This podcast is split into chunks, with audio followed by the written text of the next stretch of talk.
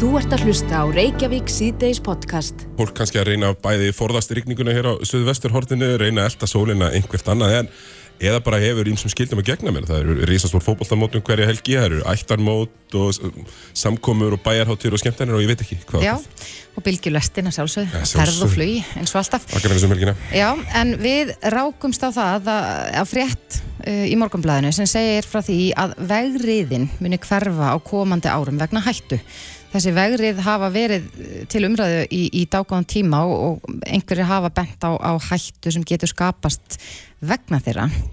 En hann er sestur hjá okkur, G. Pétur Mattiasson, upplýsingafulltrúi vegagerðan. Kom til sæti blessaður. Já, komið sæl. Já, þið segir frá því að, að, að eh, já, vegriðin muni hverfa áta við um, um bara ákveðna tegund af vegriðum sem eru hættulegar en önnur Þetta var kannski svona aðeins óhefilega orðað. Það eru flókið mál þessi, þessi umverðamál. En vegriðs endarnir af þessari tegund sem eru við markafljótsbrú, þeir eru á leiðin út. Það er að segja frágangurinn öllu heldur á endanum ekki. Það verður alltaf einhver endi. Já, en þessi- frágangurinn á endanum að það sem að fyrir ofan í jörðina að það höfum við ekki gert í 10-15 ár og erum að, að, að, að vinna í því að, hérna, að skipta þeim alveg út.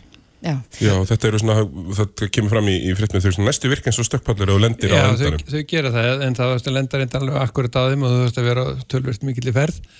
Og, og þá eru þau bara einfallega hættulega og hafa alltaf verið þannig að þessu var hættur í löngu síðan. Og öllum núna nýjum brúma þá setjum við svo kallan áreistrar enda. Þannig að það er svona smá harmoníka sem tekur aflið úr, úr áreistrinum þannig að, þannig að hérna, bifriðin eftir bara stöðvast og að þó að þú standir bensíkjöfuna svolítið fast. já, það hýttur að vera bara stöðug þróun í þessu málum við erum alltaf að koma að því já, bara læra af reynslunni hvað þykir örugara en annað Já, algjörlega. Ég man eftir því að það var nú eitthvað tíman umræða um, um vegrið sem, sem að sögumir kalla ostaskera þú kannast við þau Já, það er, já, ég er með mér pyrrandi, pyrraður, við erum búin að segja það svo oft, að þeir, víravegriðin eru ekki ostaskýrar, þeir hagar sér ekki eins og ostaskýrar og víravegriðin eru uh, jafn hættuleg og uh, hinvegriðin vegna þess að það er stólpin fyrir uh, velhjóla fólk sem þetta er fyrst og fremst að hugsa um að það er stólpin sem þú lendir á sem er hættulegastur. Vírin í sjálfu sér, hann er ekki að virka eins og ástarkiri, en maður skilur vel að þetta lítur þannig út, en, en, en það er ekki þannig, það er, hættan er, er, er af stólpanum. Er, er, er vegagerinn mikið að uh, svona, já, þið fyrir að fara að fá svona tvöfaldanir eða 2 plus 1 vegi og fleiri, fleiri og fleiri staði, hérna hérna nálægt höfuborgsvæðinu, eru, eru ennþá svona, svona, svona aðskilnaður í, á miðjum veginu? Eða eru það að nota meira kannski bara umhverfið? Eh, hlut, hlutverk 2 plus 1 eða 2 plus 2 vega er einmitt það aðskilja. Þannig að við getum sett vegrið á milli, þannig að við fáum ekki þessa, þessa áreistra þar sem menn keira beint hverjum og döðrum og, og sem eru lang hættulegustu áreistrarnir í umferðinu. Það er þegar bílar eru báðir kannski á 90 km hraða og, og, og keira móti hver öðrum. Það er mesta hættan og þess vegna höfum við verið á þessum umferðamestu vegum að aðskilja aðstöðstöfnunar og það er eitt stærsta umferðaröryggisatriði þessa þessi misserinn. Já, það er ekki langt síðan að við rættum við umferðar öryggi sérfræðing og fórum aðeins yfir sko hvaða breytingar hafi verið gerðar á undanfjörðum árum og, og það hefur auðvitað, já, b- mikið gerst á ansi kannski stuttum tíma í svona sögulegu tilliti. Um, hvað er brínast núna? Nú hefur líka verið talað um þetta, já, fjöldan sem er á vegum úti með tilkomu ferðamanna og fleira slíkt. Hvað, hvaða vegir eru, já, innan gæslappa hættulegastir núna? Já, við svona náttúrulega mælum slísatíðina og, og metum svolítið út frá því. Við hefum ekki, við höfum síður verið að horfa svona einn og einn punkt, svona svart punkt eins og menn voru að tala um, það meiri svona kaplar að því að, að, að slísin eru sem betur fyrir fá þannig að við erum að horfa á lengri kapla og það er þess, þessi vegir út frá höfuborgin sem við höfum lagt mikla áherslu á upp á, á síðkastu og það er aðskilja aðstöðsefnum þar, vegna þess að umferðin er bara gríðarlega mikil og já, það eru endalus verkefni náttúrulega, við erum að vinna í því að fækka einbröðum brúm, sérstaklega á hringveginum, en það er með þessa brýr og fólk gerir sér kannski ekki alveg grein fyrir því að það eru 1200 brýr á vegakerinu og við erum svona gjört svolítið að horfa bara á hringvegin og það eru 29 eftir núna. Og þeim hefur fækka gríðarlega mikið á undarförnum árum, við eigum svolítið mikið í land á suðausturhóttninu en, en þær eru eiginlega eh, þar flestar þannig, þannig að við erum til dæmis búin að losna við sólheima brúna yfir Jökulsá og Sólheimarsandi að því að hún var ein eiginlega á mjög löngum kapla sem var engin einbjörn brú og það var mjög erfitt við það að eiga. En, en, en nú erum við búin að bæta því þannig að þetta er allt saman á réttir leðin verkefnin eru gríðarlega mörg Hvernig hafa þær gengið þessi sem eru í gangi núna eins og þarna, Kjarlanesi og eins, eins hérna stekkun og, og brekkun Suðurlandsverð? Það hefur gengið mjög vel og Suðurlandsverðin til með sér tölvist á undan áallin þannig að við erum búin að opna núna, þannig að þetta geta verið tilbúin þess vegna fyrir endalega í haust og Kjarlanesinu þar eru að, að, að líka að opna kapla þannig að, þannig að það gengur í sjálfur sér vel mm -hmm. auðvitað vildum við hafa meira fjármagn og geta gert ennþá meira og svo vildum við auðvitað líka meira fjármál í, hérna, fjármagn í, viðhaldið því að það skiptir líka máli eins og þið hafa oft talað um að það voru hólurnar sem eru nú koma gjarnan þegar vegakerfi kemur undan vetri sem, og erfiði vetur geta skilað leiðinda vegakerfi og við vildum gera miklu betur í því. Ég, nú hljóma ég eins og algjör Íslendingu sem veit, veit allt best og eitthvað, en, en ég var nú þarna á söð-austur horninum daginn og, og við kannski kunnum alveg að umgangast einbriðar mhm. brýr, en, en ferðamenn gera það ekki Nei. og ég, það fauk nú aðeins í mig svona þegar maður var búin að býða óhóflega lengi eftir að komast yfir eina einbriða brú, bara farða af stað e, er, hefur það verið gert að fara í einhvers konar bara hérna, upplýsingamidlun til erlendara ferðamanna um hvernig íslenska vegakerfið er? Já, ég held að, að, að stuðsíðan ég satt bara að fund með fulltrúum bílalegana og þeir, þeir segja að það sé hver ekki heimunum jafn mikil fræðsla til aukumanna mm. eins og Íslandi.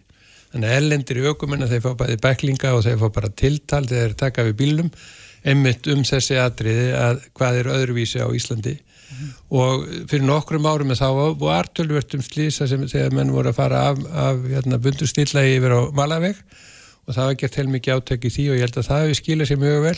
En það eru bílalegurnar sem eru aðilinn sem, sem er að tala við aukumennina þannig að þeir ná best til þeirra og eru mjög öflugur í því. Já. Mér hérna þetta, við verðum verið á Spáni og í Fraklandi og leikt bíl þá leiður bara bíl og mm -hmm. skrifur undir það samning og segir. Líklegast ekki neitt sko, það er bara líklana bara sækir einhverja líkla og það kemur ekkert meira. Nákvæmlega, það er kannski eftir spurður um aukurskýrtinni, ég veit það ekki. En það er líka ekkert mörg ár síðan það var mikið, mikið talað um það að, að sko erlendi ferðarmenn voru mikið að stoppa í vegakantunum og kannski bara til að taka myndir, mann er líður allavega eins og það hafa aðeins minkað. Ég held að það aðeins minkað, já, en það er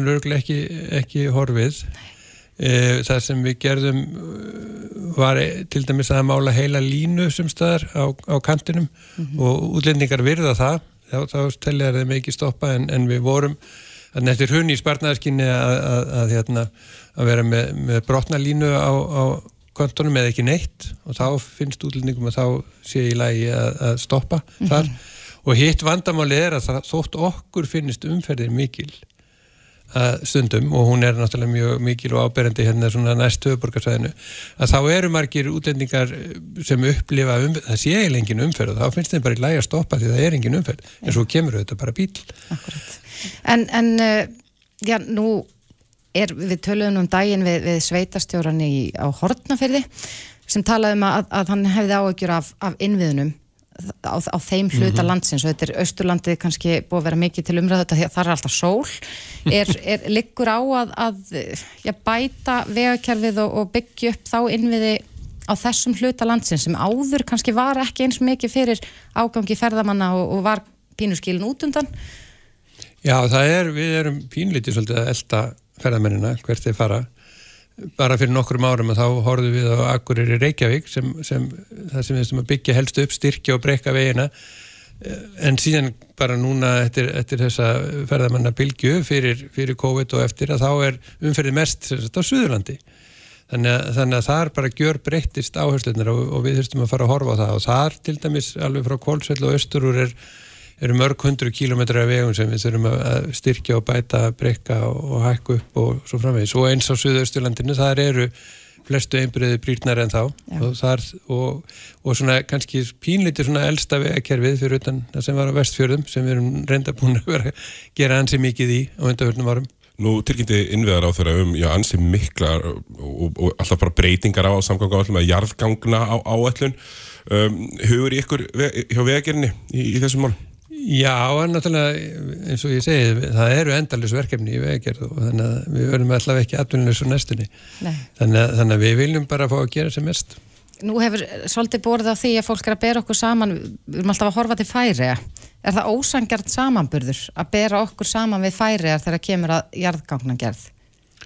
Mm, ég veit ekki, það, jú, kannski á sumuleiti vegna þess að, að þeirri þeirra, þeirra önnur leið er ekki yfir fjöllin heldur annarkottsvarðið gegnum fjöllin eða þeir verða að fara að ferju. Mm -hmm. þannig að það kannski svona flýtir fyrir því að, að, að er fara menn í, í mikla jargangagerð og þeir hafa, þeir byrjuði bara miklu fyrr heldur en við og hafa miklu meiri hefð fyrir, fyrir því að að bóri gegnum fjöll.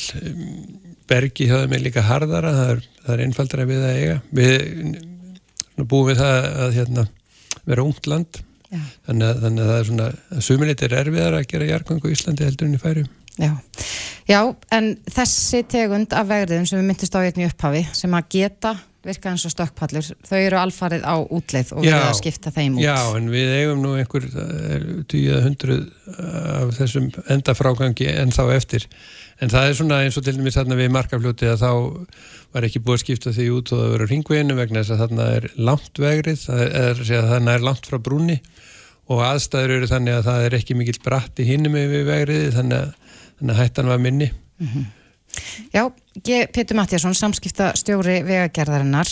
Kæra þakki fyrir kominu. Takk fyrir mig. Þú ert að hlusta á Reykjavík C-Days podcast.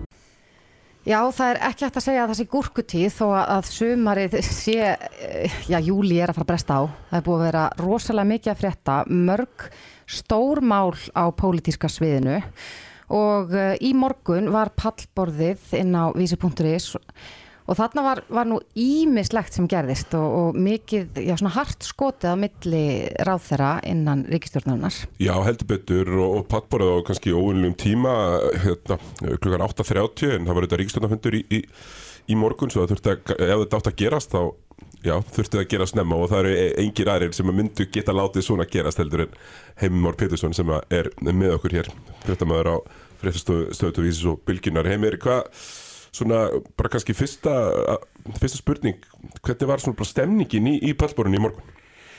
Það er ekki að segja að það hafi ríkt tölver spenna í uh, pallborunnu líka vegna þess að það kom nú fyrst konnun sem að, og ekkert sérstaklega gleðiðefni ný konnun sem hafa gerð fyrir felstóna sem er gleðiðefni fyrir stjórnáflokkana samanlagt fylgi þeirra hefur aldrei mælst minna þessi tæpu 6 ár sem að þau hafa unnið saman komið niður í 34,2% samanlagt fylgi stjórnáflokkana uh -huh. og þar með ríkstjóðun auðvitað kólfallin eða er kosið á morgun sangan þessari konun.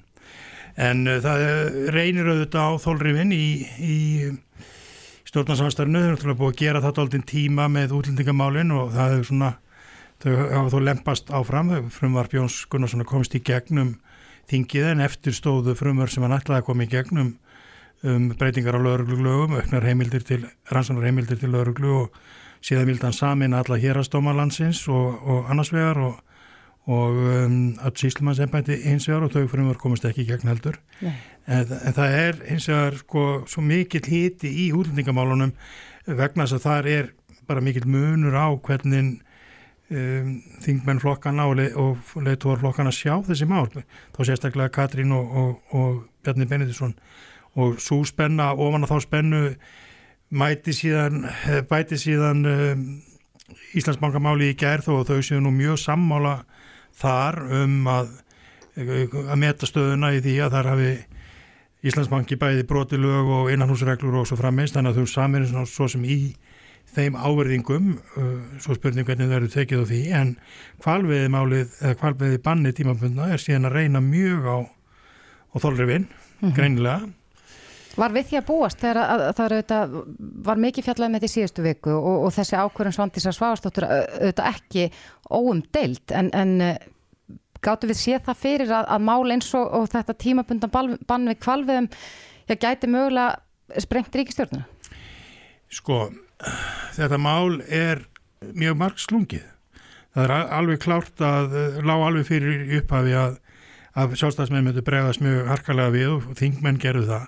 Hinga til að vera ekki heist í Bjarnar Benitsinni fyrir en þá í morgun held ég alveg örglega í pallborðinu. Og þar e, endur tók hann í raun og veru svona hörðustu afstöðunum sem fram hefur komið í umræðina á undarförnu og e, taldi þetta bara mjög vond innlega eins og hann orðaði einhvern veginn inn í stjórnarsamstarfið og hann vildi ekki svara því, hann sagðist bara ekki geta svara því hvort að sem sagt, framvinda þessa máls, hvernig því vindur fram hérna frá uh, ráði lífið að döða ríkstjórnarinnar þannig að sko undir öllum vennilegum kringustæðum myndu átvita stjórnarflokka segja bara mjög afgerandi ríkistjórnin er ekkert að springa. Mm -hmm. og ríkistjórnin stendur og mun standa áfram.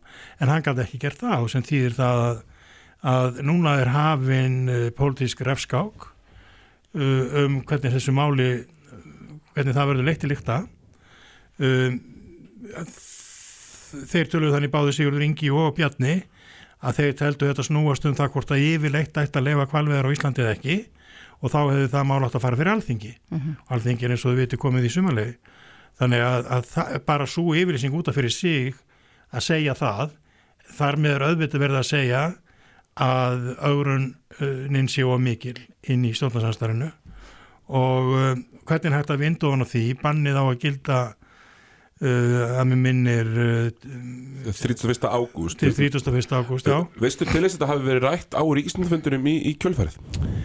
Sko, Svandís kynir þetta mál í ríkistjórn á þriðudag fyrir viku uh, en á þeim þetta var ekki á dags, eins og Bjarni orðaði þetta í morgun máli hafði ekki verið á dagskrá ríkistjórnarinnar, það segir svo ekki allast því eins og bara á öðrum fundum þá er líka önnur mál og þetta var tilkynning að hálfur áður hans og hún hefði tekið þessu ákvörun uh, auðvitað hefði sko kannski mátt rekna við því að þetta væri þannig mála að þurftu nú að hafa það átt aðskráð ríkistundarinn anyway, svona var þetta.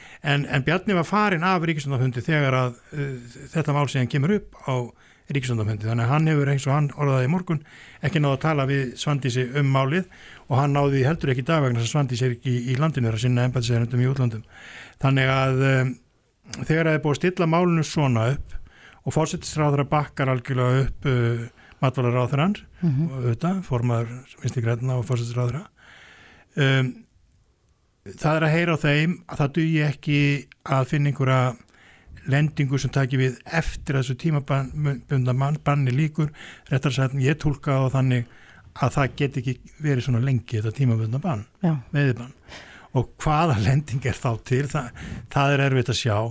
En sko þegar að stjórnarsamstarfi komið einhvern, veginn á þennan uh, þetta stig þegar að í raun og veru búið að hefja svona smá refskák ofinberlega því auðvitað hafaðu tekist á um mál á bakvið tjöldin, það er, það er ekki hana hægt þau hafa samt verið mjög góði því að láta eins og sé allt já, já. í góðu lægi Já, já, og þau gengur alveg inn í þetta stjórnarsamstarfi uppæmi með ofin augum fyrir því að það væru ágænismál en þau sjálfsagt hafa haft einhver aðferð ræðu um það hvernig slíkmál eru það aðgriðt og svo fyrir að meist en núna er þetta bara komið upp á yfirborðið og það er búið að leika hann að leiki sem að verður að halda áfram að leika og sjá hvernig enda og ég held að stjórnarsamstarfið stjórnarsamstarf þessara flokka í þessi tæpu sex ár sem þeir hafa starfað saman hafi aldrei verið í meiri óvissu heldur en núna. Uh, ég er ekki þar með að segja að því ég get ekkert sagt um það, ég er hvorki með spámansæfileika í hana, að ég er ekki þar með að segja að ríkistöndin sé að springa, en hún hefur aldrei kannski verið meiri hættu heldur en núna.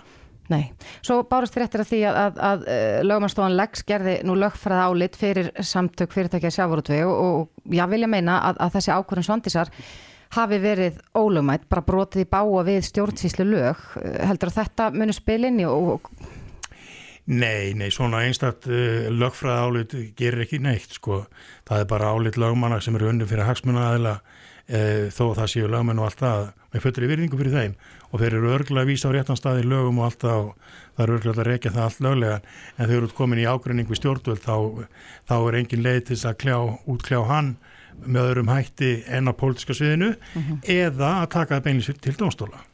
Nú er það þannig hefur að eh, ráþærarnir í þessari ríkistöð, þessari svona, já, svona breið, breið samsettu ríkistöð hafa fengið svolítið sjálfdæmi um einn mál, uh, Jón Gunnarsson kannski, kannski svona eins og með, með rafbissurnar, kannski sérstak, sérstaklega ábyrgandi mál uh, en þetta er samt málið sem verist sko, vekja hörðustu viðbröð þetta svona samráþærarna og eru, maður svona heyrti um mig, heyrti einhvern veginn svona í, í utan utan að sér að þetta sé kannski eins og þú segir, það sem við hægum næsti að, að detti í sundur, en hvers vegna er þetta mál svona ofbosla stort í þessu samingi?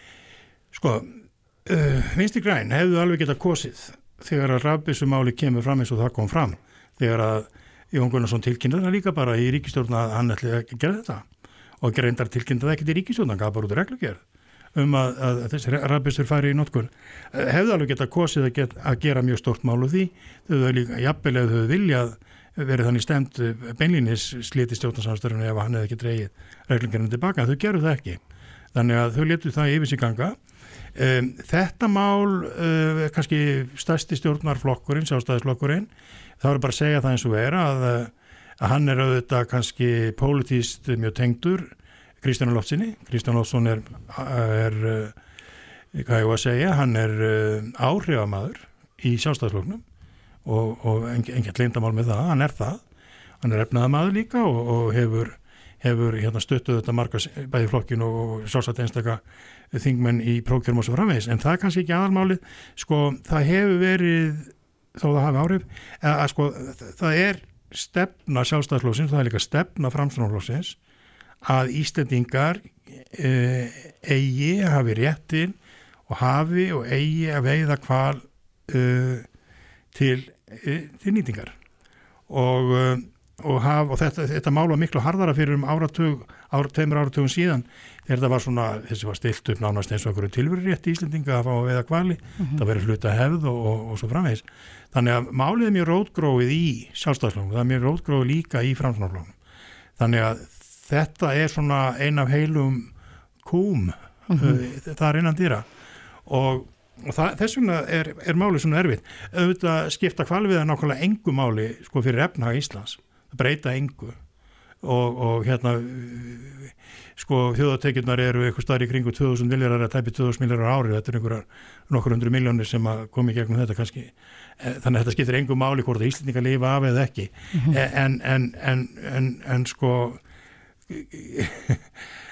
það er ekki máli þetta er miklu mér tilfinningamál og hefðamál og og svo framvegs og atvinna þessara manna auðvitað mikið gert úr því og, og þetta er auðvitað uppgrip í örfa á ári og stundum ekki nefnum bara annarkvort ár uh, í einhverja þrjá-fjóra mánuði sem menn hafa getað tekið inn. Sem við hefum bara eftir viljálum í, í verkefnisfjöla Akranes, einhverja 2 miljónir á á stundum tíma. Akkurat. og þetta munar fólk um það, er ekki að gera lítið úr því. Nei, en en, En þetta er ekki aðal atvinnugrein nokkus manns Nei. nema Kristjáns Lofssonar og, og ekki einu sinu aðal atvinnugrein hans hann er fjárfæstir og, og, og hefur átt hluta fyrir hér og þar á ynga og vanga þannig að hans tekjur kom ekki einu sinu að megin hluta þannig er, Sko, tíminn hleypur frá okkur heimir en nú veit ég að þú hefur starfað í fjölmjölmi í fjöldamörgar mm. Erum við vön að sjá svona, svona ofinberlega uh, þar sem eru svona eitthvað skeitasendingar á milli og verið að pota í uh, aðra ráð þeirra í ríkistjórnni eins og við sáum í morgun hvernig, hvernig bæði Bjarni Bendiktsson og Sigur Ingi Jóhansson voru bá, báður mjög afgerandi í sinna afstöðu varandi þetta kvalviðmál og ákverðin svandisar Sko, uh, þessi ríkistjórn er sérstökum margt. Hún er náttúrulega sérstök á þýliturinn til að þarna fyrir fara saman flokkur sem skilgrinni sér lengst er vinstri í íslensku stjórnmálum og sá flokkur sem er upplúastur á hærivagnum og svo þetta miðurflokkur fransunamanna sem getur alveg starfa með hverjum sem er. En það var alveg vitað og þau sögðu það upp að, að þau myndu kannski ekki vera sammálum allar hluti að þau myndu vinna úr þeim málum. Þannig að við höfum alveg allan tíman heyr svona að það væri áherslu munur og einstaklega þingmenn karpað eitthvað og skeitt einhverju í ráðrana. E, í öllum venjulegu ríkistjórnum er það ekki góð sviti þegar að ráðherrar fara að rífa stofnbyrlega um, um stefnumál ríkistjórnar. Þannig að, e, og þau hafa svo sem ekki gert það en þó eru mörg, nokkur dæmi um að, skulum bara taka útlendingaframfrið, það hafa auðvitað komið fram mjög ólíka skoðanir í þinginu og milli þingmann þessara flokka uh, í fleiri, fleiri málum. En núna virðist núningurinn vera einhvern veginn núningurinn og núning getur orðið meira og pyrringurinn er orðin eitthvað eh, sko meiri. Þannig að þess vegna segi ég að að það muni ráðast á næstu vikum ekki mánuðum, næstu vikum hvort að þessi ríkisjótt lifir þetta af. Og það veldur á því hvort að þeim tekst að lenda þessu kvalamáli einhvern veginn þannig allir haldið andlutinu, Svandís haldið andlutinu allir flokkarnir haldið andlutinu og, og eins og staðarinn núna er vannfundin lausna því. Já. Það er erfitt að sjá hvernig hægt er að fara nýri þó stöðu að allir haldið andlutinu og allir geti orðið áfram einlagi vinnir í, í ríkisöldunni eins og þau geta verið vinnir þannig að auðvitað er þetta í bestu meiningu meint uh, sérstaklega vinstigræn og, og sjálfstæðarflokkunum pólitískir óvinnir. Já. Já, ég býst við því að við uh, munum sjá fréttir í Já. fréttapakkarum í kvöld. Það eru vandlega yfir þetta í kvöldréttum. Já, Heimir Már Og Pétursson. það er kærar- auðvitað að sjá vílinu, nei fyrir ekki að kalla þetta vílinu. Það er gammalt áttur síðan með. Já. Pallborðið, það er auðvitað að sjá það allt í hilsinni á, á vísi. Akkurat. Já, Heimir Már, takk kærlega fyrir komuna og Takk við fyrir. fylgjumst með í kvöld. Þetta er Reykjavík C-Days podcast. Áfram höldum við og uh, nú ætlum við að, að snú okkur að kannski aðeins léttari sálmum en, en við höfum verið að ræða hérna fyrr í dag og, og já, á eftir ætlum við aðeins að fara yfir svona pólitíska sviðið eins og við gerðum með honum heimi máin út frá öðru sjónarhortni en um, nú ætlum við að tala um stefnum af menningu. Já, stefnum út af forrið, hvernig við gerum þetta núna, erum við, eins og þú hérna, myndist á þann, erum við ennþá að kynast í gegnum vini á djamminu, hver, hver, er, hver, er, hver er fólk að kynast Ég, ég heyrði reynda mjög skemmtilega sögu frá manni sem kom hér í viðtal að tala um eitthvað allt annað en þetta. En hann sagði mér frá því að hann starfaði lengi á 11 uh, rockbarnum Mhm. fræga, ég er Ég man vel. gamla, ég man vel eftir 11 en hann sagði að það var, var rosalega algengt á, á ákveðnum tímabili að fólk var að mæta á sko brúðarbilnum í brúðarkjól og, og, og kjólfötum taka mynda sig fyrir utan 11 og það voru svo mörg pör sem kynntust á 11 Það var alltaf opið til sjö. þannig að- Já, en uh, það eru sestar hjá okkur Kristína Reynisdóttir og Unnur Aldís Kristinsdóttir eh, hjá Smitten komið sælar. Hæ hæ, góðan daginn. Já, fyrir hlustendur sem vita ekki hvað Smitten er, þetta er Íslenskt eh, stefnumóta forrit, ekki satt? Jú, passar. Er, er, uh, já, þið hafi verið í útrás líka. Já. Flestir kannski þekkja, þekkja Tinder, það er svona kannski eitt af stærri forritunum. Er, er Smitten að komast með tærnar þar sem uh, Tinder hefur hæluna? E, já, ég myndi segja það. Á Íslandi erum við stærri heldur en Tinder, að minnst kosti, en við erum stafrækt bæði uh, á Íslandi, Danmörku, Svíþjóð og Nóri í dag. Og þetta er aðeins önnur nálgun heldur en Tinder. Já, það sem að við setjum út á er að við erum með svona mínileiki sem að leifa fólki aðeins að kynast uh, nótundum aðeins betur heldur en þau gera á öðrum stefnótaforritum eins og til dæmis Tinder. En svo erum við bara að reyna að hérna, gera líf einhleipra skemmtilegra og fókus á það. Já. Já, Þórtis myndist á létt, léttari málefni, það er nú, það er til léttari, léttari málefni heldur en ástin, ekki svo? Það er erfitt málefni, sko. það er það. En við reynum samt að gera þetta svona aðeins skemmtilega. Við erum með leiki í appinu sem að gera fólki kleift að tala saman án þess að ymmit þurfa að henda í þetta venjulega, hæ, hvað segiru, hvað það gera, du, du, du, allt þetta. Þannig að þú getur kannski frekar að svara spurningum eða séð eitthvað fyndið á prófælinum hjá þessum einstaklingi og í rauninni byrja að tala við hann út frá því. Já, svolítið að brjóta ísinn til að að ísinn. koma af stað einhverjum samræðum. Algjörlega.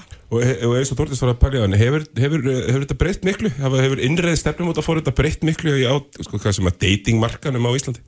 Já, ég allavega vil alltaf halda því fram að stefnum út af forrið séu bara smá svona leinivotn í vasanum þú veist, þú þarna sérðu í raun og veru hverjir eru singul, annað heldur en back in the days á ellufunni þegar þú þurftir svona pínu að vera eitthvað að dansa upp og vera eitthvað, hei, hversu miklu aðtekli gefur mér? eða ekki.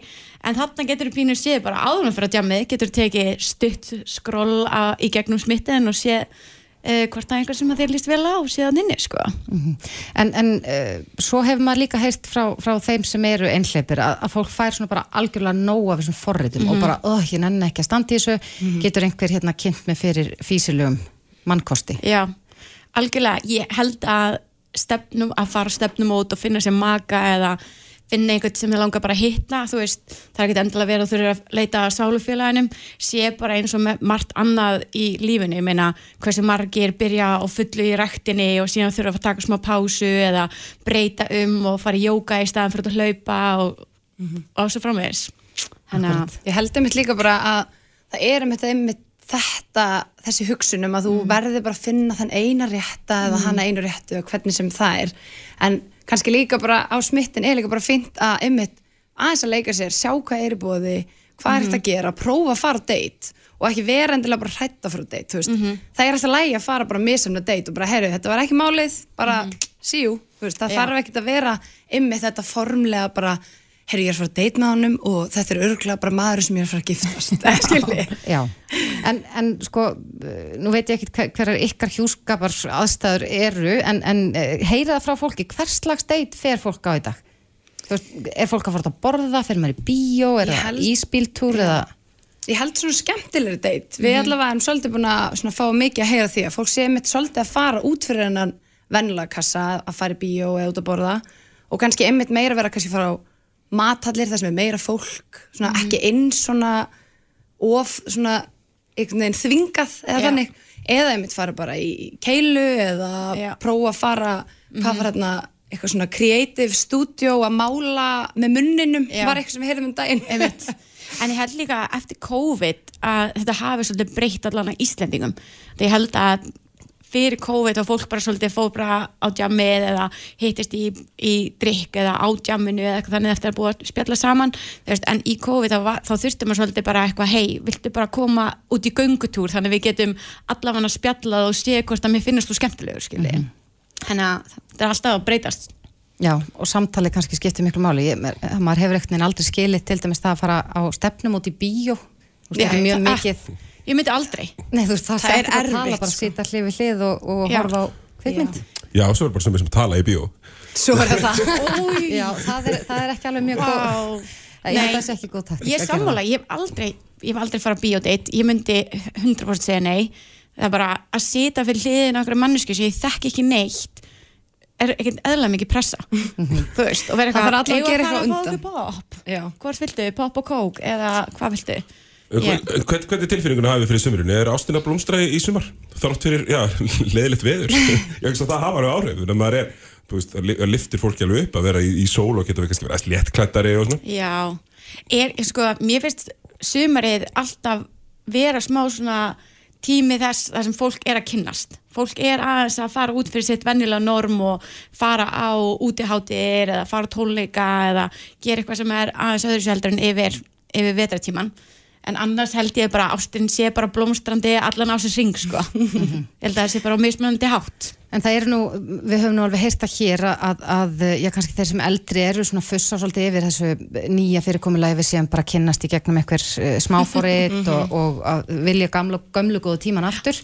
Um, er fólk samt farið að svona færa sér stundum, bara líta til gamalla tíma og bara reyna að kynnast í gegnum einhverja sameiginlega vini, já nú einn vin sem á þann draum heitastan, að vera sá sem er sko talin upp og, og í brúðkaupi og sagt það er honum að þakka að við séum saman Já, en ég held að það sé líka bara að gera samt á þessum smáfórutum. Ég meina, ég á marga vinkonur sem eru bara, herru, sjá þennan, þetta er alveg þín típa, þú veist. Já. Þannig ég held að þú getur alveg þakka kannski vinkonuðinni fyrir að sína þér, en bara smita henni staðin. Já, það held ég sko en ég held líka bara það er náttúrulega, það var áður svona pínu svona, hvað maður segja, svona stigma þú veist, það var svolítið svona, fólk var pínu að fela það að væri með stefnumóta forrið og það var alltaf með síma svona silent og, og allt það. En við liðum svo í dag, þú veist, bara fólk eru miklu opnar að þetta er bara ein leið á því að hitta einhvern potential maka alveg eins og að fara á djammið og ef þú talar um þessum eldri markafum, þau eru líka bara ég veit ekki hvað ég er búin að fá margar eldri konur sem eru bara eitthvað hæ, heyrðu, segðu mér hann aðeins frá smittin, hvernig er þú veist, eru margir á mínum aldri og þú veist, þau eru líka alveg þessi aldur mjög uh, opinn fyrir því. Já, eru margir minn- á já, þessum aldri í, í, á svona forritum? þú veist, Já, það fjölgar alveg síföld. já, já, já, en við, það er ekki beint, þú veist, markopur sem við höfum verið að stilla inn á, þú veist, við höfum bara verið að fókusa mest á 18-25 ára en núna erum við komið það marga notendur í þeim aldursflokki þannig að þá erum við að fara svona að fókusa aðeins á þá sem eru eldri, þannig að, og við erum alltaf að bæta í nýjum notendum í hverju viku. Bæði á Íslandi og á hinum mörkunum okkar, þannig að Já, þannig að, að eh, já, þeir sem eldri eru ættu kannski að, að prófa eitthvað nýtt. Já, um að gera kíkja á smitten. Meina, að minnstakosti getur þú séð hvernig fólk er að nota smitten og hvað, hvað skemmtilega fítur að við höfum upp að bjóða. Það er allavega enga að tapa, myndi ég segja. Nei, Nei, en, en svona kannski já, fyrir þá sem hafa aldrei prófað þessi forrit og hugsa já, ok, kannski læti slag standa núna. Um, hvað, hvað á maður alls ekki að gera? Á maður að vera með, hverslega myndir er maður með og, og svona Hvernig þetta maður er, sér þarna? þetta er flókið sko. við fáum mjög oft svona spurningar og það er ekkert rétt svar, 100% ekki. En við viljum meina allavega þrjár myndir. Það er svona dálítið gott. Þú Já. getur verið með eina af þér og eina kannski með vinnunum og eina að gera eitthvað skemmtilegt eða eitthvað svo leiðis og þannig að maður allavega, því maður hefur séð bara oftar en ekki kallmenn með kannski myndir af sér og vini sínum og svo enga aðra mynd. Og þú ert bara að býtu býtu hvor þeirra er það? Já, já. þannig að það getur stundum verið svona dálítið erfitt. Já, og líka bara ekki setja inn einhverja blörraða myndaðir þar sem er bara léli gæði og eða eldgamla myndaðir þar sem er alveg greinlegt að þú ert ekki lengur uh, tvítur þegar þú ert hérna 35 ára. Það er bara, við getum séð það svona aðeins. Þannig að, og já, svo auðvitað er náttúrulega umtala fiskamyndin. Maður er með teirt um þetta að þú er ekki vera með veiðmyndina af fiskinum. Nei, Já, já, svona marjulaxin Já, en okkur var bent á það um Já. daginn að hjá konum væri það möguleg fjallgöngumyndin. Að Já, það, það væri- svona konunnar eru ein bara- fjallgöngumynd og ein Já. fiskimynd. Þetta er, þetta er voða klassist Já. sko. Já. en samt bara skemmtilegt. Já, þá sér maður bara að þetta er aktíft gera eitthvað skemmtilegt. Já, sínir áhuga mál. Já. En já, svo líka bara að nýta sér alla möguleikana sem við höfum e, inn í appinu til þess að sína þinn persónuleika. Já, og vera líka bara hreinskil með það hver maður er, ekki að, ekki að kannski að búa til já, glansmynd Já, einmitt. þarna inni eins og maður sér oft á samfélagsmynd Já. Nei, ég ætla kannski að gera ráð fyrir því að, að hérna, fólk sko, sjá eitthvað ná smitten og svo bara eh, Instagram og fer og gerir background eh, hérna, Mhm. þú veist, fari, fari í bakgrunnin líka og skoðið langt aftur í tíman og svona ef það getur er það ekki, við gerum það er hægt. Það er allt Bara hægt sko. við tengjum þetta sko. Sko. Nei. það er vissulega hægt sko. Já, já. En svo er þetta líka bara ég held að ekki, þú veist, fólk á ekkert verið að setja pressu á sig heldur á þessum öppum þú veist, það er að læga að kíkja bara að sjá hvernig þetta virkar sjá hvernig maður fílar þetta og bara setja inn það sem manni maður vill deila. Veist, ég held að það sé líka bara alveg bara í góðu lagi. Já, það er bara líka svo mörg tækifæri til þess að segja skemmtilega frá einhverju um þig. Og það er eitthvað sem er ekki verið að gera á öðrum datingappum eins og Tinder. Auðvitað alltaf erfitt að taka Tinder eina hérna stefnumótafórið til sem dæmi en það er alltaf stæðast að appið. En þar ertu bara með bio þar sem fólk það er bara svona sjálft að búið sem texta.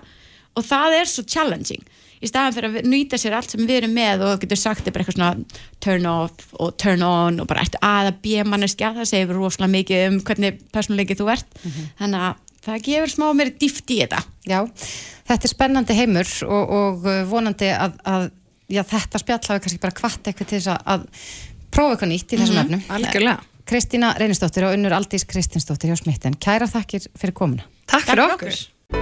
Þetta er Reykjavík C-Days podcast. Þá er klukkan 28 myndu gengin í 6. Það er, uh, þetta er vera stór frétta dagur. Dagurinn þetta byrjaði klukkan hálf nýja á pallborðinu á vísi.is þar sem að, ímislegt áhugavert kom fram og við fengum nú hann Heimir Má Pétursson fréttamann til að fara hans yfir, með, yfir þetta með okkur áðan. En uh, já, þetta, þessi sátt Íslandsbanka við fjármála eftirlitið var svona stærsta fréttin í gær. Við erum í já, undarfarna daga búin að vera mikið að tala um sko bara ríkistjórnar samstarfið, hvernig það gengur og, og kannski sérstaklega í kjölfar ákvörðunar Svandísa Svavastóttur um, að- um að stöðva kvalviðar tímaböndi. Já, það var áhugavert að fylgjast með pattbórinu í morgun. Alveg sérstaklega svona, að fylgjast svona með kannski bara viðmótinu sem að byrtist á milli þessara, þessara samstarfsaðila sem Katrín, Sigurður, Ingi og Bjarni eru og þau hafa, sko ríkisandsamstarfið hefur að, ma að margra mati staðið svolítið bara mjög þægilega af því að þau verðast geta náð mjög vel saman. En þarna var svona öllítið öðruvísi hljóð og mann er liðin svo flokkandi sig kannski að stilla sér aðeins upp og setja svona sín stefnumál aðeins á framfótin. Já, en hann er sestur hjá okkur, hann Andris Jónsson, almantengill og eigandi góðra samskipta, blessaður og sæll. Komið sælbless. Já, Andris, við erum svona aðeins að hugsa um, já, það byrtist auðvitað þessi, eh, þessi könnun, eh, maskínu, þar sem að- eh, já, ríkistjórnar flokkarnir eru ekki að, að standa sér mjög vel með að við, með að við þessa niðurstöðu og meðan að samfélkingin er að mælast í, í einhverjum 30%. Hvað er samfélkingin að gera rétt eh, þegar kemur að því að sko, selja sig Já, sem að hinir flokkarnir eru þá ekki að gera? kannski, já, það er góð spurning. Það er hérna, oft hafa nú flokkar risið svona miðjukjörtæðinbili sem að, eins og píratar hafa gert og samfélkingin hefur gert áður og svo hefur það dreigð saman eftir þegar næri hefur dreigð kostningum við erum á miðjukjörtæðinbili núna. En ég tek samt út úr þessari könnun uh, að nú finnst, finnst manni þetta að vera orðið svona trend, þetta er orðið svona þróun, þetta er ekki uh, þetta er ofsnend að fullera hvernig kostningarna fara en, en þetta er meira heldur en eitthvað svona skot, þetta eru marga kannar í röð, ólík kannunafyrirtæki og þetta hafa þess að kannan líka sínt erfiðastu ríkisandaflokkana, VAFG kannski mest hefur verið í umræðinni um fylgist hrun þeirra uh, frá kostningum en nú er sjálfstæðarflokkarna mælast í annarsinn undir 20% 18% rúmlega. Og þannig að ég myndi að segja að það var svona eitt af þessi tek út úr þessu er, er hvað sjálfstæðarflokkurinn er núna að mælast lár trekki trekka því að hann hefur einhvern veginn alltaf hérna við uh, og gengið á, ákveðinu fylgi. Uh, hvað samfélgin ekki er rétt hún hefur haldið mjög fast við breyta stefnu sem Kristrún leggur upp með sem er að hætta elda öll mál.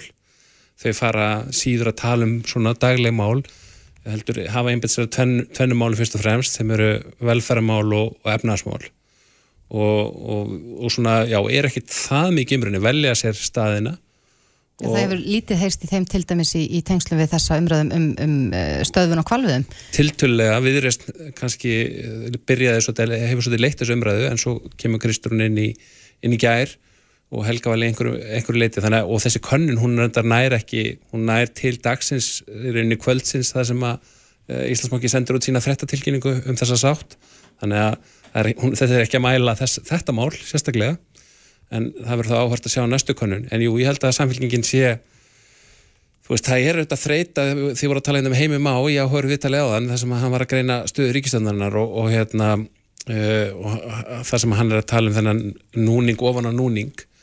Og ég, þú veist, er ekki bara gagkvæm þreita svolítið að sjást í þessum konunum þreita kjósenda, gagkvæmt þessari ríkistundarsamstarfi og þreita þessara flokka á því að vera saman ríkistundarsamstarfi það er auðvitað stjórnmálum en er í stjórnmálum til að hafa áhrif og þeim langar að ráða einhverju. Mm -hmm. og þeir farið þetta breyða það sem að tilgangurinn er inni, það sem ræður eru, eru þessi breyða sáttum öll mál. Og svo kemur COVID það sem að ræður þrýikið og svo núna aftur ræður, hver ráð þeirra sínum málaflokki. Þannig að þetta er flokkunum langar að fara að ráða einhverju um, um hérna, stefni landsins? Ég var einmitt að, einmitt að taka eftir því bara í umræðinni á, bara á, á samfélagsmiðlum og, og annar staðar að, að nú, hef, nú tekur fólk eftir svona kannski meiri svona sínilegri pyrringi gagvart samstarfsflokkunum. Finnst þér það líklegt til, til árangus út af eða að, hérna, að flokkarnir séu svona einhvern veginn að sparka svolítið í hvern annan?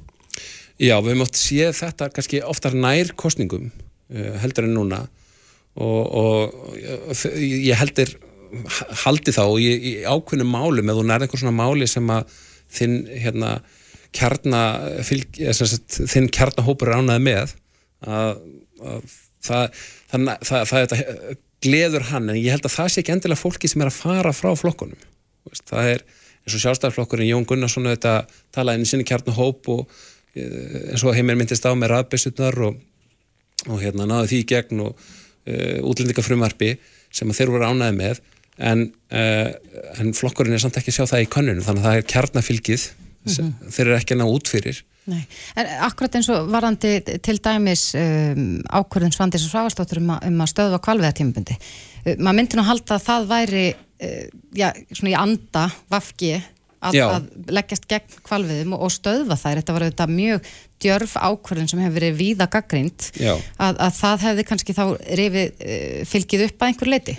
Já, og kannski ekki það stór hluti þessi könnun stóði við frá fyrsta til 22. júni, þannig að hún er kannski ekki mikið þeirra ákvörðun. Ég, ég gæti alveg trú að verður spennend að sjá að þetta hjálpi, þetta er jafnvel drægi einhver af þeim kjósundu sem hafa farið frá Vafki aftur til flokksins, mm. hann sé að ná einhverju sínilegu gegn sem að flokksmönnum þykja vendum en að vísu er kvaluðmáli þannig að það eru harðir anstæðingar og svo er þetta harðir eh, hérna, stuðnismenn kvaluð það já. og svo er þetta svona 80% tjóðan sem er svona já, eigum við ræðis og jújú en við höfum lengi gert þetta, já, já, sem er svona begja blands.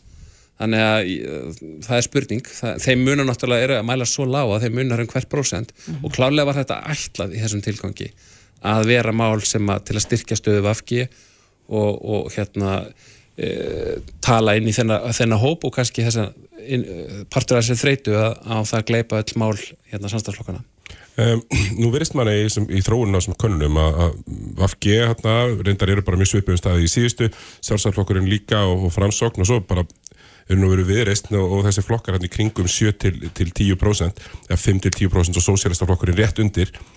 Hvers, hvers vegna telur þið að, að samfélkingin sé að sópa svona miklu af því fylgi sem er að rjáttlast af stjórnaflokkunum? Það er alveg góð spurning að þegar við með töfum sé þessa þróun að þetta eru miklu fleiri, fylgi er að dreifast miklu fleiri flokka og, og hérna, það þarf ekki jafn mikið fylgi til þess að uh, vera stóri flokkurinn sem getur leitt í ríkistjóð þannig að þetta er alveg uh, samfélgingin má alveg við því að missa eitthvað þessum 34% til þess að geta uh, og vonast þetta stjórnamyndina við hérna, umbóðinu næst spurningin er, það er náttúrulega held ég þessi þreita kannski líka bara gagvart leitóðun sem búin að lengja sviðinu Bjarnar Benindið sinni Katrin Jakobsdóttir er þetta mjög vinsal og lítur mikla velvildar hjá þjóðinni en það er, það er þreita kakvart þessum, þessum fóringjum og kakvart þessum hérna, sem er búin að lengja sviðinu og það er ferskleiki sem fylgir Kristrúnu. Hún er auðvitað ekki að segja mig mikið en hún kemur fram veist, af miklu öryggi, þekkingu og, og ég held að sé ákveðin stemning fyrir nýju og það er, þetta, það er bara lögmál það er, fólk verður, það kemur alltaf þreita hvort sem það er kakvart stjórnmálum hennum forstjórum, mm -hmm. bankastjórum ef við fyrir yfir það. Já, já það var akkurat talað um það eins í pallborinu morgun að, að, já, bæði, að þau öll þrjú, Sigur Ingi, Katrín og Bjarni voru nú sammála um það að, að ábyrðin væri á, höndu, á herðum Íslandsbanka varandi uh, já, þessa sátt og allt þetta sem við erum búin að sjá síðustu daga. En, en sko út frá þinni sérgrein og, og almannatenglar hafa oft verið í krísustjórnun. Er það, er það góð taktík, eh, svo taktík sem við séum hjá Íslandsbanka að, að tjási ekki um skýrsluna, um sáttina eftir að hún var byrt og, og bendar hennilega bara á að senda tölvupóst á, á netfangi pr.islandsbanki.is eh, Sko ég kannski með fyrirvara um það hérna, það er alltaf erfitt að að greina verk kollega sinna, maður er ekki með allar upplýsingar, maður er ekki stattur þeim megin þannig að ég er bara þær upplýsingar sem eru ofinberar mm -hmm. og, og hérna þetta er allt, fólk út um alltaf reyna að gera sitt besta og svo framvegis. Já og, og fólk er svona að reyna að finna einhvern sem er tilbúin að taka ábyrð en, en það verðist ekki ganga næla vel. Mér fannst þetta mjög skýrt hjá fórstumur ríkistundarinn og þeir voru mjög þungorðir um það að þeir rauninni verðast ætlast til þess að bankastjórn taki póka sinn og jafnvel stjórnin öll eða hluta til þannig að það má lesa það og þau segja það misbeint en, en öll í rauninni verðast þeirra þeirri línu. Varandi viðbröðin þá vil ég kannski segja það að þau er eiginlega svolítið sama marki brend og salan. Söluferlið í höndum Íslandsbanka og viðbröðin svo við þessari hérna, þessum brotum sem að fjármáleftilitið afhjúpar. Að því leiti að þau, þau einkennast að bara að þeir verið stórkoslega vannmati á alvarleika málsins og, og hversu mikið er í húfi. Það er rosalega mikið í húfi að sala á ríkisegn, sérstaklega í banka, hefnist vel fyrir tröst til fjármálakjörfisins, fyrir tröst til stjórnmáluna, ljósi sögunar, ekki síst. Eh, en það er líka rosalega mikilvægt í krísustjórnunni að skilja alvarleika brotana sem að þú ert sakaður um. Þannig að það er alltaf, það verður svolítið eins og þau hafi vannmyndi líka það. Þau höfðu þetta í höndunum þetta skjál frá eh, Sælabankanum og höfðu haft til lögt lengi þannig að það, þarna er aftur eins og þau vannmeti alvarleikan það vannmeti alvarleikan í því að halda á þessu söluferli og vera í rauninni að selja í sjálfum sér fyrir almenning. Og þau vannmeti alvarleikan í því að vera söku um brot og vannrækslu í því ferli. Já, svo í kjölfarið auðvitað kemur beint frá Katrínu þó að Bjarni hafi náttúrulega ekki alveg tekið fast undir það. Katrín segir bara berum orðum það kom ekki til greina að selja frekari hluta fyrir en að öll kurlir komið til grafar í þessu mál, það lítur að vera já, ákveðið áfall fyrir sérstaklega sjálfstæðisflokkin sem hefur já, verið með það mjög ofalega á sinni stefninskraf að selja hlut ríkisins í Íslandsbank Já, já, ég skil það svo sem alveg. Þetta er eh, ekkert lindamál það, það, það er engi sem telur þessi hægt að selja frekar hlut á þessu kjörtumbili í Íslandsbanka. Og Bjarni veit það jafnvel og allir aðrir.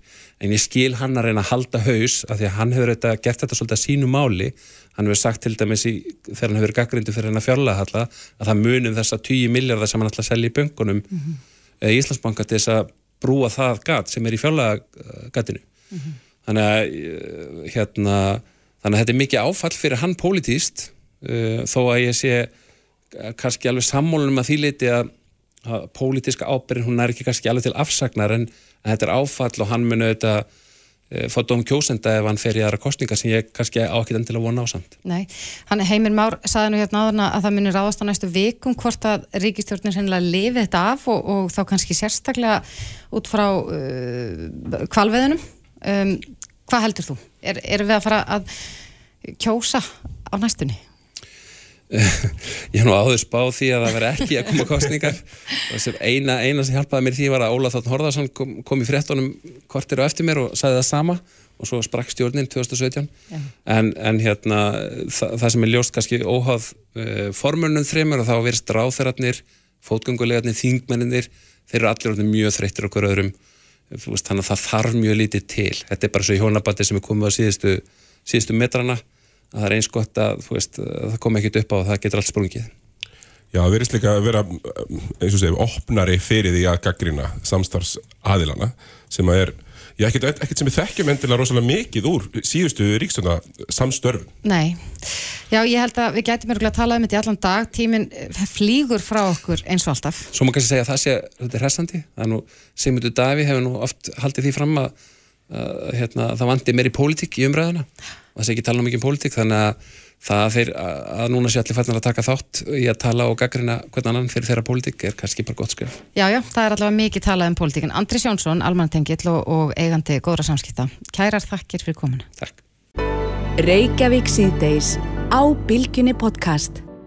Hér í þessum þætti þá við uh, oftar en einu svona oftar en tvísvart talað um samningsleysi við sérgreina lækna en uh, já, það má segja að tímamót í dag gleði fréttir að, að Viljum Þór, Þórsson helbreyðisráð þeirra, hann kynnti nýjan fimm ára samning við sérgrannleikna við sjúkratrygginga á ríkistjórnum morgun og þessi samningur var undirriðar í dag. Og uh, hann er sestur í okkur, Ragnar Freyr Ingvarsson formaður Læknafélags Reykjavíkur. Ragnar, blessaður sæl Komið sæl. Hvað voru þið lengi samningslaus? Þú varst með alveg nákvæma Já, við vorum samningslaus í uh, fjögur ár, fimm mánuði og 27 daga þanga til núna í morgun og það er nú semst ár nú eftir ennþá að afgreða þennan samning af sjálfum félagsmönnum. Hann verður kynntur þeim á morgun félagsfundi á félagsfunda sem við munum renna yfir efni samningsins. Og svo er það okkar von að hann taki gildi 1. september.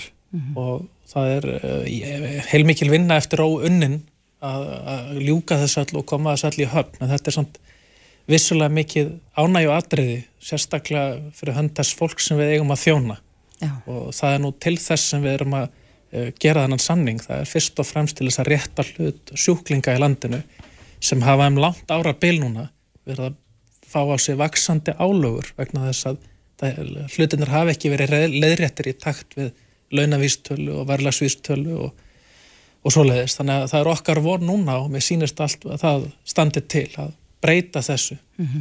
Ertu bjart síðan á það að, að félagsmenn uh, já, muni taka vel í þennan samning? Þú auðvitað þekkir innihald samningsins sjálfur, þó við ætlum ekki að fara kannski ítarlega yfir að hvað stendur í honum en, en, en heldur að, að læknandi verði sáttir við hann? Já, það er mín von. Ég hefði ekki skrifað undir þann samning í dag með ráðamönnum nema ég treyði á það að félagsmenn mínir myndi sjá það sama og ég hef verið að sjá á liðnum vikum og, og mánuðum. Við höfum átt núna í bara nokkuð góðu samstarfi við sjúkratringar Íslands undir fórustur nýs fórstjóra og það hefur bara, við höfum kröfið eiginlega öll mál til merkjar og náða ákveðinni sömu sín á verkefnið. Og það er nokkuð ánægilegt að horfa til þess með við hvað við höfum nú aðalega verið að rífast í gegnum árin. Einmitt, uh, hvernig uh, hefur þið heyrt mikið frá kolleguðinum í dag eftir að fréttinnar uh, Já, ég er búin að tala stanslöst í síman í heilan sólarring frá því að ég stóð út semst, á reffen í Kaupmannahöfni í gær og var beðin um að koma heim og, og hérna undirrita þessa samninga og, og ég hef verið að kynna þetta fyrir náttúrulega kollega mínum eins mikið og ég get svona, og svo á morgun verður náttúrulega formlegur fundur þar sem við förum í gegnum að til auða og samningsins og getum þá vonandi sagt betur frá því í kjálfarið. Já, farða eins með, með okkur yfir það, sko, hvað, hverju mun þetta skila fyrir uh, sjúklingana? Fyrir, fyrir þá sem að fara til sérgrunna lækna. Það hefur nú verið talað um að það hafi verið gjaldskrar hækkanir út af samingsleysin og fleira slíkt. Mun þetta breyta einhverju þar? Já, það er okkar vonað að svo verði. Ég meina, það, þetta byggir alltaf, þetta er náttúrulega aldrei flókið fyrirbæri, þetta byggir á, á sagt, verði og magni og einingaverð og svoleiðis og, og það er okkar von núna að, að einingaverð til lækna verði hækka sem þýðir það að sjúklingandi munu finna fyrir því að viss gjöld hverfi, önnur kannski sita eftir því að það eru ímis óleist mál en það er auðvitað okkar von að sjúklingarnir okkar finni fyrir því að það verði ódyrra að koma til okkar að þeir geta fengið okkur meiri þjónustu við getum tekið upp nýjungar og breykað og stækkað þjónustum til að mæta þörfum fólks. Og ég, ég verði eiginlega að nota tækifæra að nefna því að sérgjarnar læknar út í bæ, hvað er nú það? Já, akkurat, það er Ég sko- fint að fara hans yfir. Já, ég, ég held að það sé mikilvægt að fólk að því er að maður er alltaf að tala um starðin á hlutunum. Sérgrannlæknar er um 350 við sinnum 270.000 einstaklingum á ári við gerum yfir 500 500.000 læknisverk sem er allt frá því að hitta og tala við fólk skoða börn, gera aðgerðir speklanir og ég veit ekki hvað og hvað. Þetta er alveg ótrúlega fjölþætt og mikið. Og þetta er þjónusta sem er raunverulega einna burðarstólpum íslensk helbreyðiskerfis Sannst, við erum eitt þriðjungur af heilbreyðiskerfinu þannig að það er ótrúlega mikilvægt að þarna var verið að skrifandi sanning sem tryggir aðgengi að mjög mikilvægri umfangsmikill og mjög svo hagkvæmri þjónustu Muni þetta að gera það að verkum að, að það verði jafnvel fleiri sem að, sem að sækast eftir að starfa í þessum, þessum afkima læknis, læknisfræðinar og, og hérna svona muni, afkima. afkima og muni hérna kannski fleiri muni nýtist í þjónustuna þá í, í, í kjölferð. sko bæði vona ég, vonast ég til þess að það muni einhverjir vilja koma og starfrækja stofu, vilja flytja heim til Íslands og, og leggja, okkur, leggja hönd á plóin, ærin eru verkefnin. Og auðvitað vil ég bara sjúklingar fái þá þjónustu sem þeir eiga skilið og eiga rétt á. Og það er bara gríðarlega mikilvægt við búum þannig um hnútana að ákvarðanir eru tek, hvaða þjónustu þú fá eru teknar á gólfinu af sjúklingnum og lækninum sem sinnur honum, það er aðalmálið. Og þannig að ég vona það að við sem að búa til ákveðið ákveðið form þar sem við getum líka hort til framtíðar og þróa þessa þjónustu áfram og leift hann að vaksa með vaksandi stærð þjóðarinnar með öldrunarnar og ég meina með nýjum verkefnum maður veit ekkert hvað framtíðin ber í skauti sér en við ætlum að að vera tilbúin fyrir það með einhverju mæti Mhm. En sko, nú manni ekki hva, hvaða tölu þú sagði aðan, fjögur ár eitthvað og, og 27 dagar, minni mig. Já, fjögur ár, fimm mánuður og 27 Fimm mánuður og dagar, já. 27 dagar. Eh, Hvað, hver hefur verið fyrirstaðan í þessi fjögur ár, fimm mánuður og 27 dagar? Hvers vegna hefur ekki tekist að, að, að landa þessum samningi fyrir nú? Já, við höfum sem sagt verið að takast á um ákveðin bara svona grundvallar hugtök og ég meina, þetta er ofta hraðsóðið niður í eitthvað eins og verð og magn, hvað á þjónustun að kosta og hvað á að veita mikið af henni? Uh, og það er bara þurfti held ég að tala sig í gegnum hvern hluta samningsins og hvern þjónustunar til þess að átt að sá því að við værum en cirka sömu sín að þetta. Ég meina, svo er það náttúrulega líka uh, við höfum kannski eitthvað aðlagað okkar sjónamið, ríkið hefur komið og mætt okkar hérna eh, skoðunum og þannig náum við ofta að tala okkur niður. Við erum búin að setja líklega núna í tvær, þrjár vikur á fundum með fórstufólki í sjúkratrygginga og bara átt mjög gott samstarf og rætt hlutina bara alveg í kjölinn. Uh, Varð, varð stefnubreiting við uh, já, ný, sem, nýjan helbriðsráð þeirra og nýjan fóstur sjúrtrygginga?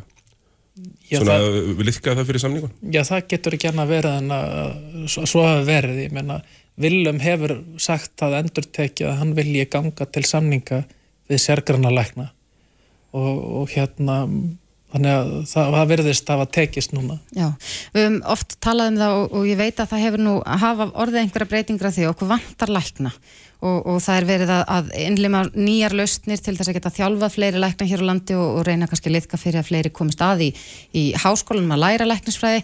Mun eh, þetta hjálpa til við það að fá fólkið heim? Þú myndist nú aðeins á það áðan en það eru þetta fullt af íslenskum læknum sem að, að eh, ég hafa bara ekkert flutt aftur heim, jafnvel út af samningsleysi eða starfsaðstæðum og öðru. Ég, ég vona það náttúrulega eindreið, sko, bæði erum við semst læknar sérgrannalæknar á stofum reyðbúin að taka þátt í þjálfun næstu kynsluðar lækna þannig mikilvægt að það sé sagt að við viljum taka þátt í að þjálfa uh, fólk til að stunda lækningar á stofu. Og göngu, það sem kallast göngudeldarlækningar eða dagdeldarlækningar sem er allt öðruvísi fyrirbæri heldur en að starfa á legudeld og auðvitað vonumst við til þess að við séum að búa hérna til umhverfi sem dregur hámentað fólk heim til sín. Ég meina, ég get alveg sagt það fyrir mína parta, ég, ég flutti ekki heim út af íslenska heilbreyðiskerfinu ég bara flutti heima því ég saknaði af og ömmu og pappa og mömmu og vinanna minna og sundsins og bara félagslífsins. Og svo flyttum maður heim og þá kemur að dæna hlutnir eru kannski ekki eins og maður vildi hafa þá. En þannig að við verum að reyna að smíða nýtt kerfi, það er allir á, á gólfin að róa í átt að því að gera íslenska heilbreyðiskerfi að aðlaðandi stað til að vinna. Og er þetta stort skrifi í þeirri vegferð? Já, ég held að þetta gæti verið það. Það er þarna er alla verið, að- verið að koma til móts við, getum að sagt, hugsunur okkar læknana sem bara, við erum alltaf að tala við sjúklingana og heyra hvað þau vilja Já. og ég vona það að við höfum komið þessu þannig áleiðis að, að stjórnvöld sjáu það og þau virðast hafa gert það núna. Já, sérgræna læknar starfa margir hverjir, hverjir og, og jafnvel flestir líka á, á landsbytala innan ofinbæra heilbreyðiskerfisins um, eru þið svona upp til hópa bjart sína það að, að við munum komast á betri stað hvað það varðar, það hafa þetta verið gerðar einhverja breytingar inn á spítalunum og, og, og kannski já, nýr, nýr heilbreyðisráþara með ólíkar áherslur uh, mun ástandi batna þar Á spítalanum? Já. Sko, ég menna við stöndum frammi fyrir mjög krefjandi verkefni sem er það bara að þjóðun er að stækka og hún er að eldast og úrræðin er að verða flóknari og dýrari og, og ég er nokkuð sannfæran um það að, hérna, hlutirnir munu batna þegar að framlýða stundir. Ég ætla ekki hérna, vera eins og greikirnir forðum heimur vestandi fer, það væri nú dabuleg leið. Ég trúa á það að maður eigi að ferðast um lífið fullur af bjart síni, það er eina leiðin til að lifa Já. og þess vegna sitt maður og starfar í þessu fæi það er vegna þess að maður að reyna að gera ástandið betra. Bæði það er í samtalenu við sjúklingin en líka í kerfun í heilsinni að við erum sem að reyna að búa til eitthvað umhverju til að þjónusta fólk betur. Já, ég held að það sé bara mjög gott að enda þetta á þessum bjartsinsnótum, þú ert nú bara reynda búin að vera mjög bjartsinn allan tíman, gleðilegt að fá þig inga í heimsók. Ragnar Freyr Ingvarsson, formaður Læknafélags Reykjavíkur. Takk alveg fyrir komuna og bara til hammingju með þennan samning. Takk hjá Hlustaðu hvena sem er á Reykjavík C-Days podcast. Já, maður velti því fyrir sér. Nú er, uh, já, eflaust einhverjir að fara að grilla og uh, ég er svona búin að, ég er endar á ekki grill það, ég mér finnst það eiginlega algjörlega fáránlegt að eiga ekki grill Það er fáránlegt, Þordís. Ég, ég læt bara alltaf bjóða mér grill Já, Það er já, ok, mjög góð ok. taktík, bara að ég var að grilla Já, ég áreindar ekki grill, getur verið með þér Ég er reyndar alveg sammála því, það er góð hugmynd sko. Það er grillasvörunum hjá mér Það hefur verið minna nota en það ætti að vera En, en, En er það veðrið sem er að spila þannig? Já, það er verið sem er að spila þannig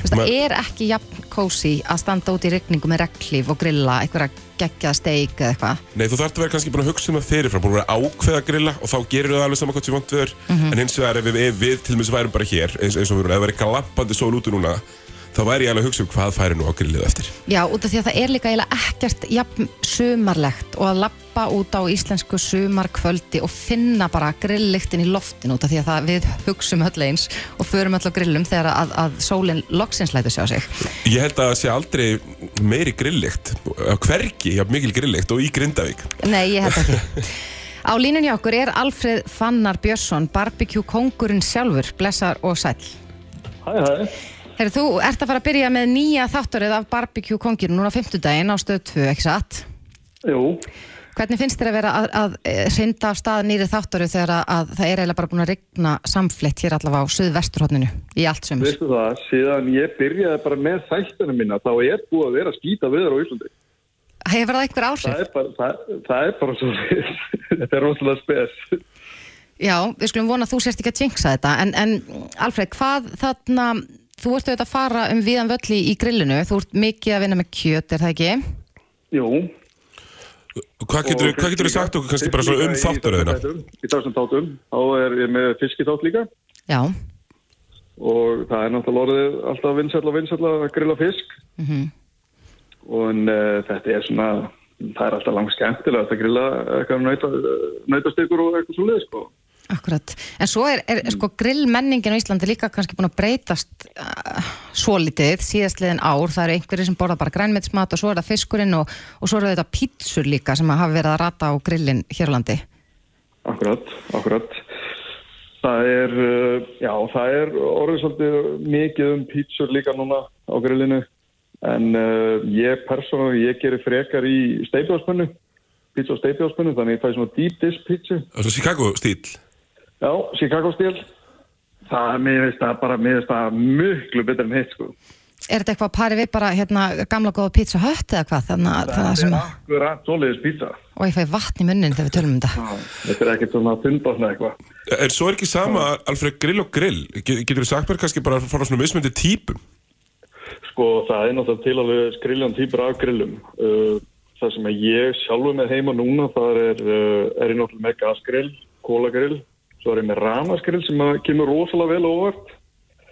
Uh, ég nota það reyndan miklu meira heldur en gasgrillið Já, og uh, náttúrulega út aldrei gaslaus, kemur saman grillbræði og svo er ég með pellet smoker. Þetta er grill sem gengur fyrir svona viðarkurli. já, já, já. sem er uh, rosalega næ sko. þetta er svona wifi tengt og maður er bara með eitthvað á smókurnum, kannski rifið eitthvað og svo fer maður bara til Reykjavíkur og svo pinga síminn manns bara og maður slæði eitthvað bara grillinu Ok, þetta hljómar mjög vel. En, en er bragðið eh, öðruvísi þegar þú ert að, að, grilla með þessum hætti? Já, það er svona meira eins og kólagrilli það er svona nær því bragði Akkurat. því þú ert bara, þú ert bara að brenna sko bara viðapelletur Já. En mér líður eins og að hafi verið tísku hérna fyrir nokkur mánu síðan og er það kannski enn að vera með svona, svona eins og græn egglagagrill. Já, það er náttúrulega bara kóla, kólagrill Já, það er kólagrill, akkurat. Já, og uh, ég er enda svo mikill vepermaður, ég er með svona svar veper við þeim grillum, það er rosalega svona einangrað en úr játni, þannig að eða fíkur það var ekki brotna og eitthvað svoleið sko. En jú, þetta er alveg frábæk grill, þessi grænu ekki nefna. Og, og núna þegar maður hugsaður út í þetta uh, maður valur að grilla, maður setur bara mesta hitan og svo bara setur maður það sem maður ætlar að grilla beint ofur á hitan, en þetta er nú, vist eitthvað meiri vísindi heldur við það? þetta er, þetta er, ég, grilla svona mest allt á svona óbyrnum hita í dag. Þá virka grillið bara eins og opn, eins og segir maður þessu líka bara með þryggjabrennara gasgrill, þá hafið þið kannski kveikt á tveimur brennarum, en seti kjötið alltaf yfir brennara það sem að er ekki kveikt á, eins og með lambalæri og annað, þá hafið þið bara kveikt á brennara 1 og 3 og setið lærið í miðjan og þurfið það geta að vera pakkað inn í álpapir og, og svoleiðis. Er þetta þá meiri hægeldun eða hvað? Já, það þarf ekkert endilega að vera. Bara, bara ekki, það brennir bara miklu síður maturinn. Já, ég held sko að ég myndi aldrei þóra að grilla fyrir fram að þig út af því að ég vil helst hafa allt bara svart og brunnið og, og kjötið alveg sko svo, svo mikið eldað að þetta er varla Veistu það, kjöt lengur. Ég, ég, já, veistu það, ég er alveg þannig með sumt kjöt líka, eins og pulsur og kótilettur og svona. Ég vil hafa vel brent, sko. Já, pulsutna þurfa að vera sprungnar á sem valla hægt að borða það sko. Já, já, það það verður að vera svo leiðis. En þú ert nú mikil fagmaður í þessu, barbecue kongurinn sjálfur. Grillar þú stundum bara vennilegar SS pulsur og eins, og, eins og við hinn? Eða svo almúin. Já, já, já, ég, ég, ég er alveg hættur að sína mig. ég fæ mér alveg vennilega mat líka. Já. Hérna, hvað er í tísku í sumar á, á, grillið? Svona, hvað, hvað er svona hittast og hvað Ég- finnst þér skemmtilegast að grilla? Sko, mér persónulega finnst skemmtilegast að reykja eitthvað eins og brisket eða rif eða eitthvað svo liðs en svo er alltaf klassist að vera með eitthvað að risa tomahawksteik eða eitthvað svo liðs á grillinu. Akkurat. En ertu eitthvað tíma að grilla grænmetisfæði? Ég er nefnilega smakkaðan daginn svona grillaðan halloumi-ost og ég væri alveg til í að bara uh, skipta kjötun út fyrir hann. Já, sko, þegar ég fer til dæmis út að borða þá fæ ég mér oftast uh, þá spila ég mig vegan eða eitthvað svo liðs til að fá einmitt þessa græmmetisrétti og að ég kann ekki sjálfur að gera þetta. Alla þessa uh, fróður og þetta dóti hérna með græmmetinu og þannig að ég bara, það, jú, þetta er mjög gott að grilla græmmeti en ég gerir oflítið að því. En uh, erum við farin að færa okkur fjær, já, til dæmis eins og bara svínakjötinu sem hefur alltaf verið rosalega vinsat á grillum Íslandinga. Marin eru lærisniðarnar. Já, sem maður bara kaupir. Maður er læris með. Já, Nei, nei, það er alveg, alveg ennþá en það er svona fólki svona farið náttúrulega að hugsa líka bara meira um hvað það er að borða og er svona, það er bara ráöfni er orðið svo dýrt þannig að fólki er svona farið að gera svolítið meira með, með, með kjötinu svona, já, gera það svona aðeins fítna.